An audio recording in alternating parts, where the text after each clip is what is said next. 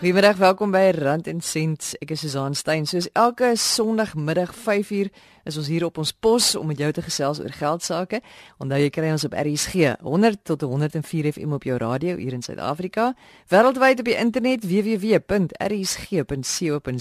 of op die DStv kanaal heerlik op jou rusbank Sondagmiddag daar in jou sitkamer DStv kanaal 813.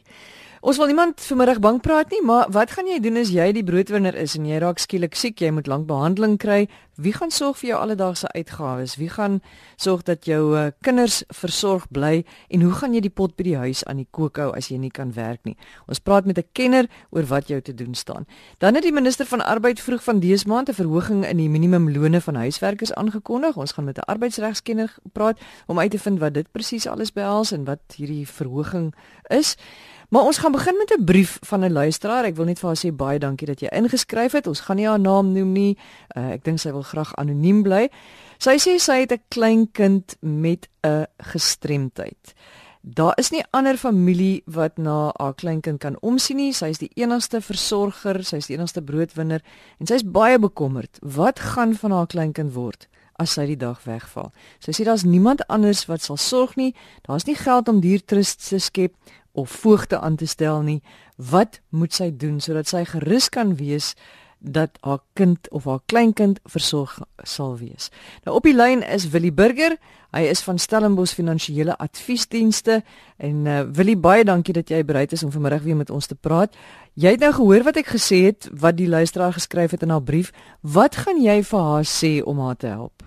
Die eerste ding wat ek vir haar sal sê is dat sy moet vir die kleinkind in haar testament 'n testamentêre trust skep wat nie net oor 'n bladsy beskryf is nie, maar waarin sy kan sê dat wanneer sy doodgaan, hierdie trust dan op die voete geplaas word en dan sekere inligting gee om te sê dat hierdie ding moet aangewend word vir hierdie kleinkind wat die gebrek het en dat die trustees wat vir haar moet opvolg moet die persoon wees en sy moet ook in die testamentêre trust sê wie sy as 'n onafhanklike trustee daar gaan aanstel.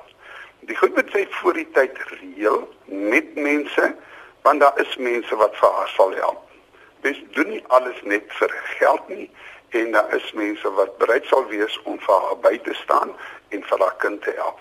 Daar is ook organisasies wat mense kan gaan en sê as sy wegval en die kind moet na 'n spesifieke plek toe gaan, dan moet sy nou reël met daai plek dat sy die hoof van die plek of die organisasie iemand daar aanstel wat na die kind kan kyk wanneer sy nie meer die dag daar is nie.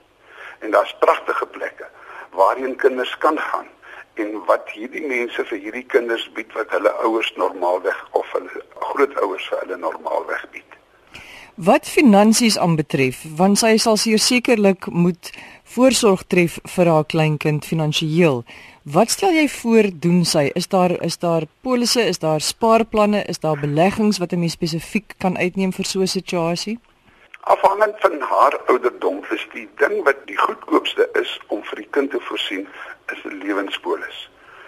Mense dink altyd dat 'n lewenspolis is 'n duur ding. Dit is nie 'n duur ding nie ek het dit al 'n paar keer hierdie ook gesê dat dit is die goedkoopste manier om voorsiening te maak vir 'n spesifieke ding wat op 'n spesifieke dag moet gebeur. So as jy 'n lewenspolis uitneem en jy kom te sterwe binne 3 maande, dan is die geld daar om vir daai kind te verwerk.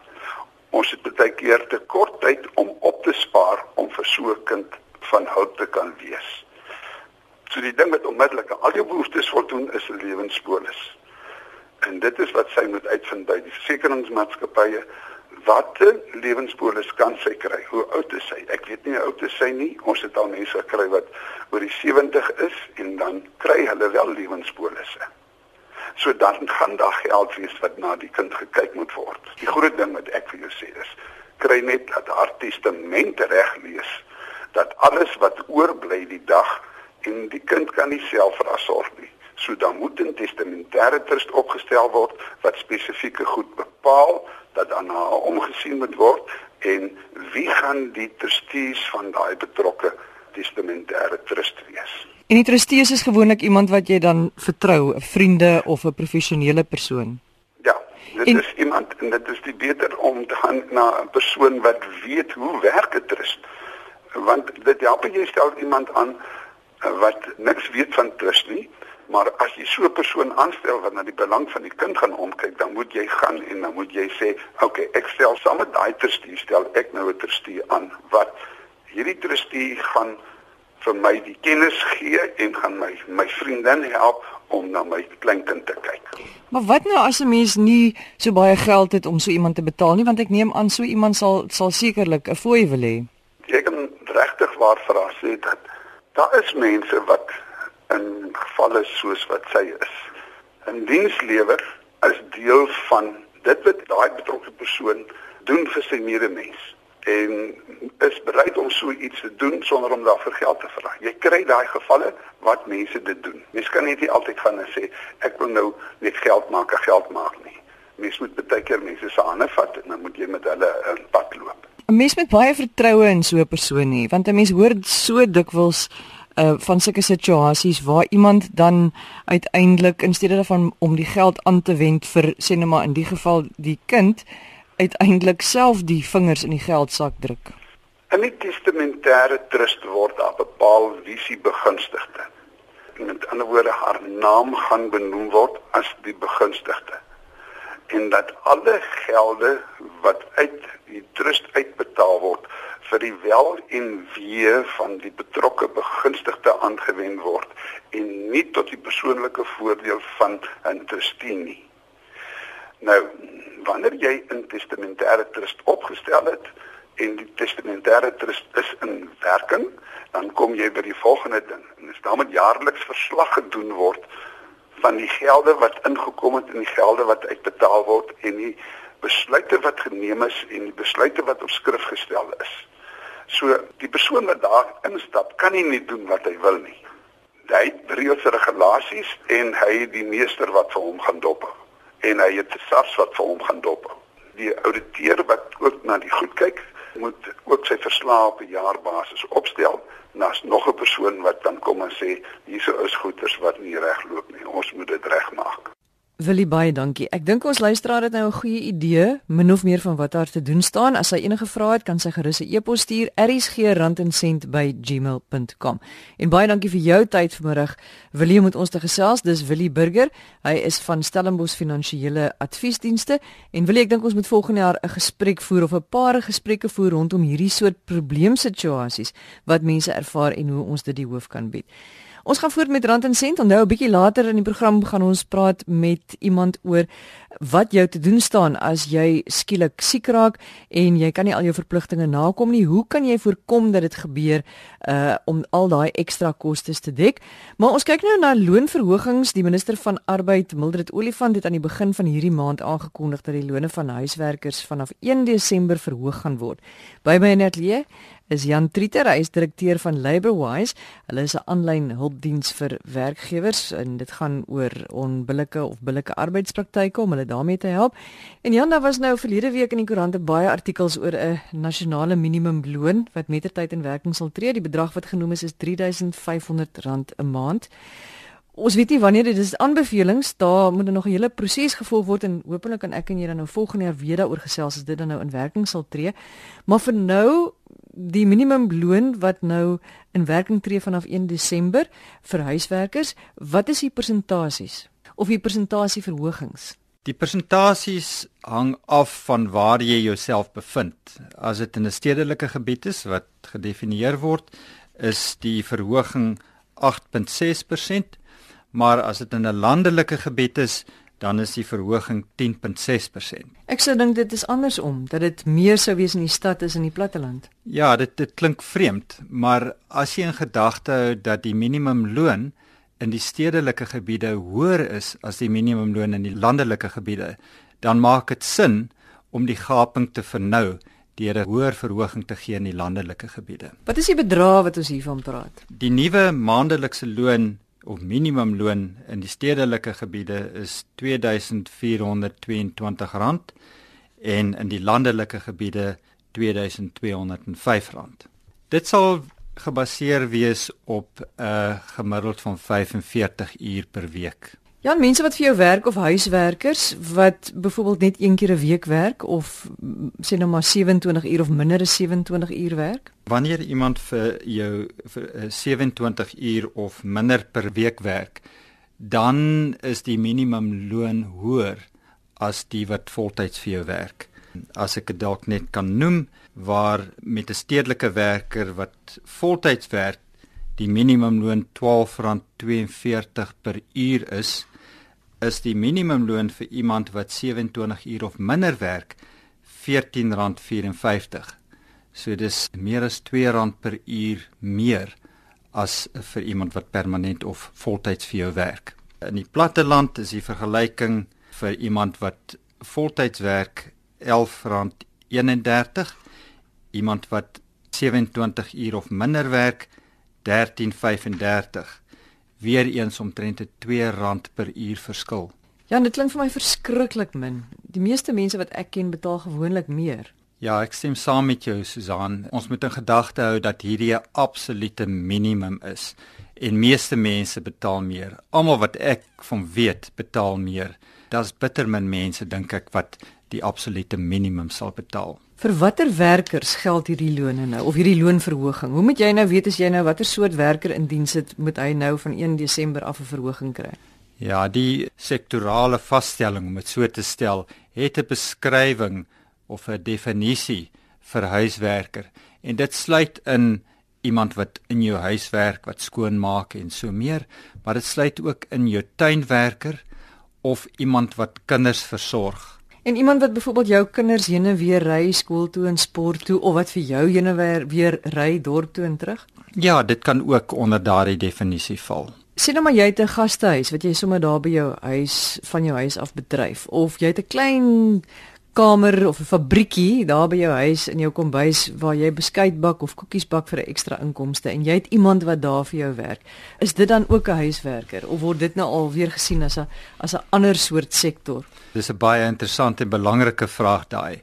Kom ons gebruik jou voorbeeld van 'n gastehuis.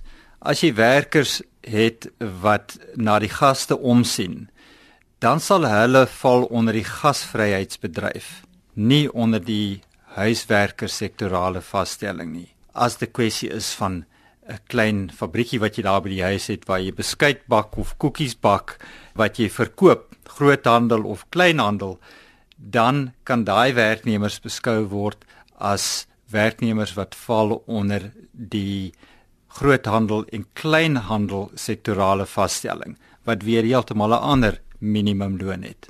So jy moet baie seker maak die persoon wat vir jou werk dat jy weet waarvoor jy hom of haar inspann. Ja, jy moet dit dit dit is die eerste ding wat jy moet uitklaar anders te begin jy op die verkeerde voet. Dan het jy nou gesê daar's daar's loonverhogings in ander sektore ook, maar dit is in verskillende tye van die jaar. Wanneer is dit en van watter sektore praat ons hier?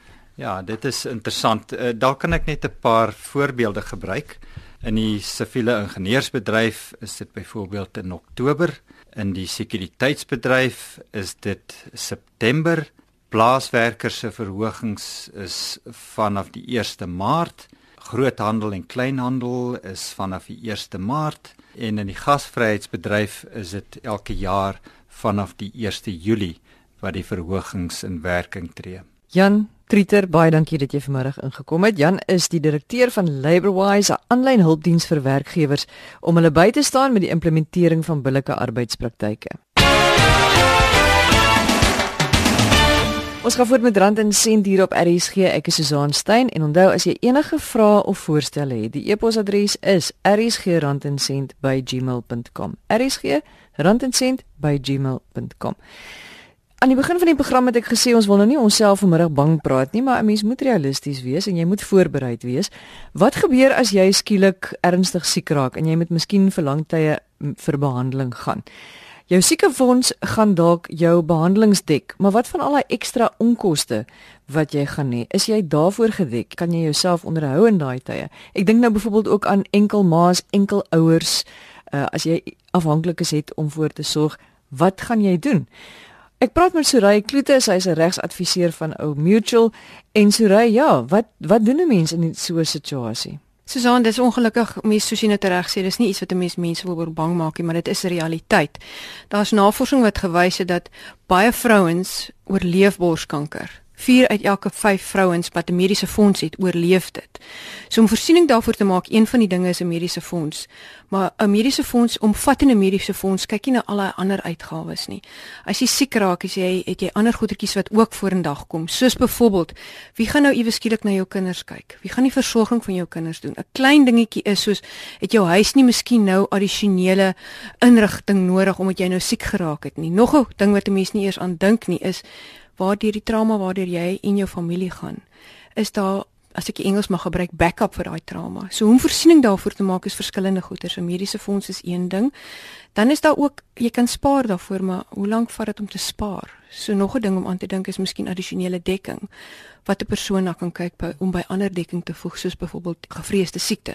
Is dekking wat by ander goed ook gevoeg kan word. Jy het nou net gepraat mm. van die emosionele impak wat dit op 'n ja. gesin het en op die fa familie het en ek neem aan dikwels daai mense dan nou emosionele ondersteuning nodig ook in die vorm van 'n soort terapie wat dan nou ook nog Absoluut, absoluut en hulle het ook gewys dat daar 'n studie in Australië gedoen is dit baie van hierdie kinders van 'n ouer wat siek raak neem soort van 'n verantwoordelikheid aan.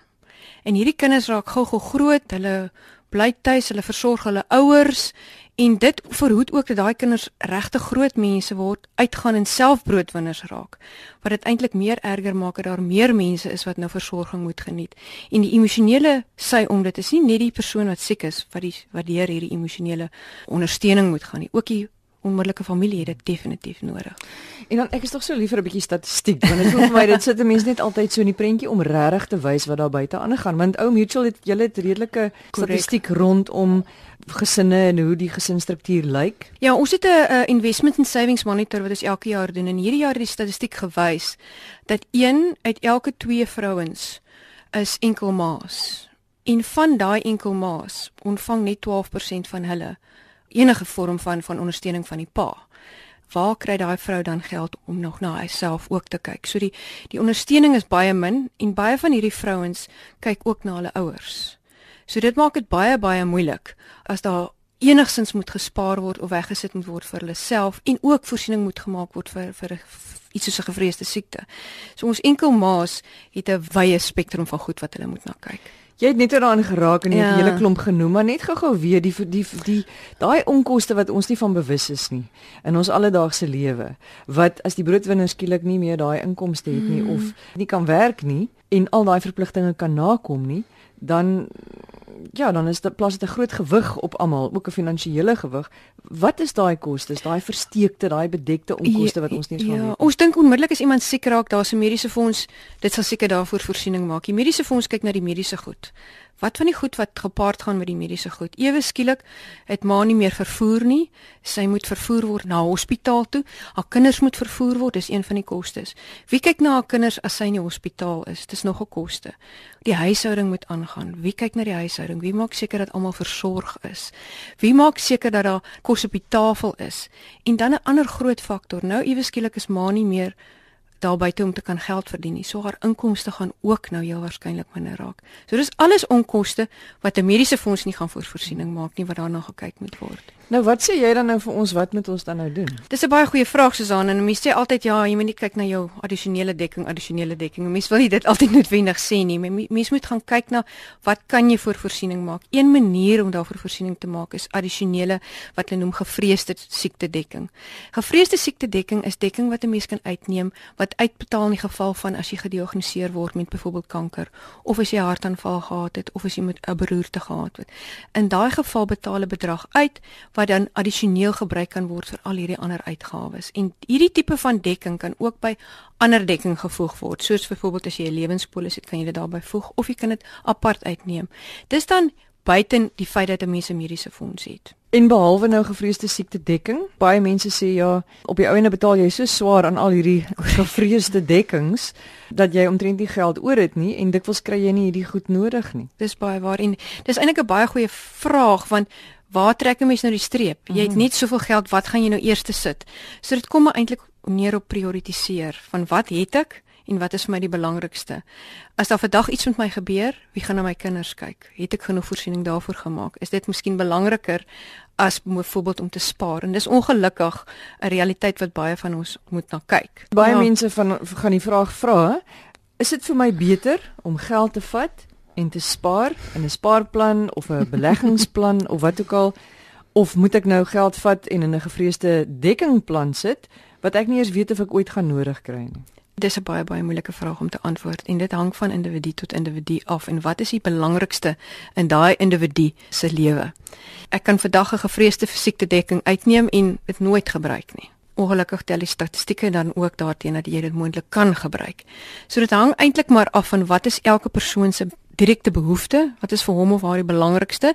Ek sal sê as 'n persoon 'n afhanklike het, dan sal een of ander dekking baie belangrik wees want as daar iets met daai persoon gebeur dan dan is dekking baie belangrik. As 'n persoon nie afhanklik het nie, dan kan 'n mens seker nou maar die minste gooi en besluit watter een is belangriker. So dit hang eintlik van persoon tot persoon af. Net om seker te wees die verskil dan tussen jou mediese fonds, risikodekking en dan is daar ook iets soos daai wat wat hulle in Engels noem die gap cover waar jy Miskien moet jy dit vir ons alles verduidelik. ja, die gap cover is die sogenaamde die dekking wat mense uitneem as hulle mediese fonds nie alles dek nie. Soos byvoorbeeld jou mediese fonds betaal nie mediese tariewe vir jou hospitaal. Hy betaal nie noodwendig die privaat kostes van privaat hospitale nie. So daai dekking is die sogenaamde gap cover en dis ook 'n dekking wat mense kan uitneem om voorsiening te maak vir die addisionele mediese kostes. Daai dekking is tans 'n tipe van 'n terme van 'n polis. Daar's egter konsepwetgewing wat na gekyk word dat daai tipe van dekking gaan verander word om onder die mediese skemas wet te val. So daar gaan heel waarskynlik veranderinge daar daarin kom in die, in die toekoms, maar tans kan jy ook so polis uitneem maar dan die sogenaamde cap dek as ek dit mag sê. Hoekom kan julle nie 'n soort polis skep wat 'n mens dan kan uitneem sê net maar vir gevreesde siekte, maar wat terselfdertyd 'n soort lewenspolis word of wat iets word dat jy dan kan uitkry as jy dit nie gaan gebruik nie. Uh, meeste van die risikodekkingpolisse is nie iets wat jy tensy jy addisioneel bysit om te spaar daarin, iets wat jy uitkry noodwendig as jy as ek dit nou mag sê nie doodgaan nie. meeste van ons polisse wat ons het, kan jy so struktureer dat dit of 'n gevreesde siekte dekking het of 'n lewensdekking het. So die dekking kan wel uitbetaal as jy die dag te sterwe kom, dit hoef nie net gevreesde siekte te wees nie. So jy kan hom wel so struktureer dat jy of uitsluitlik gevreesde siekte het of uitsluitlik doodsdekking het of al twee. As jy dit iets wil uithê terwyl jy nog lewe, dan sit jy gewoonlik 'n tipe van 'n spaargedeelte by daai polis by. Maar dit is eintlik beter om daai twee te skei, lewensdekking en risikoversekering. Ek stem saam. As jy dit kan bekostig, want as jy dit skei, gaan dit vir jou duurder kos. As jy dit nie skei nie, dan beteken dit watter een van die twee ook al gebeur, gaan die uitbetaling dan gebeur. Suray, baie dankie vir jou moeite om in te kom. Suray Kloete, sy is 'n regsadviseur van Old Mutual. Dit is tyd vir ons om dadelik te groet. Baie dankie vir almal wat saamgeluister het. Onthou jy kan weer na enige gesprek gaan luister by www.rsg.co.za. Klik op potgooi laai dit vir jouself af of luister sommer dadelik. En onthou ons e-posadres rsg@randencent@gmail.com. Van my Susan Stein. Wonderlike week. Ons praat volgende week verder. Totsiens.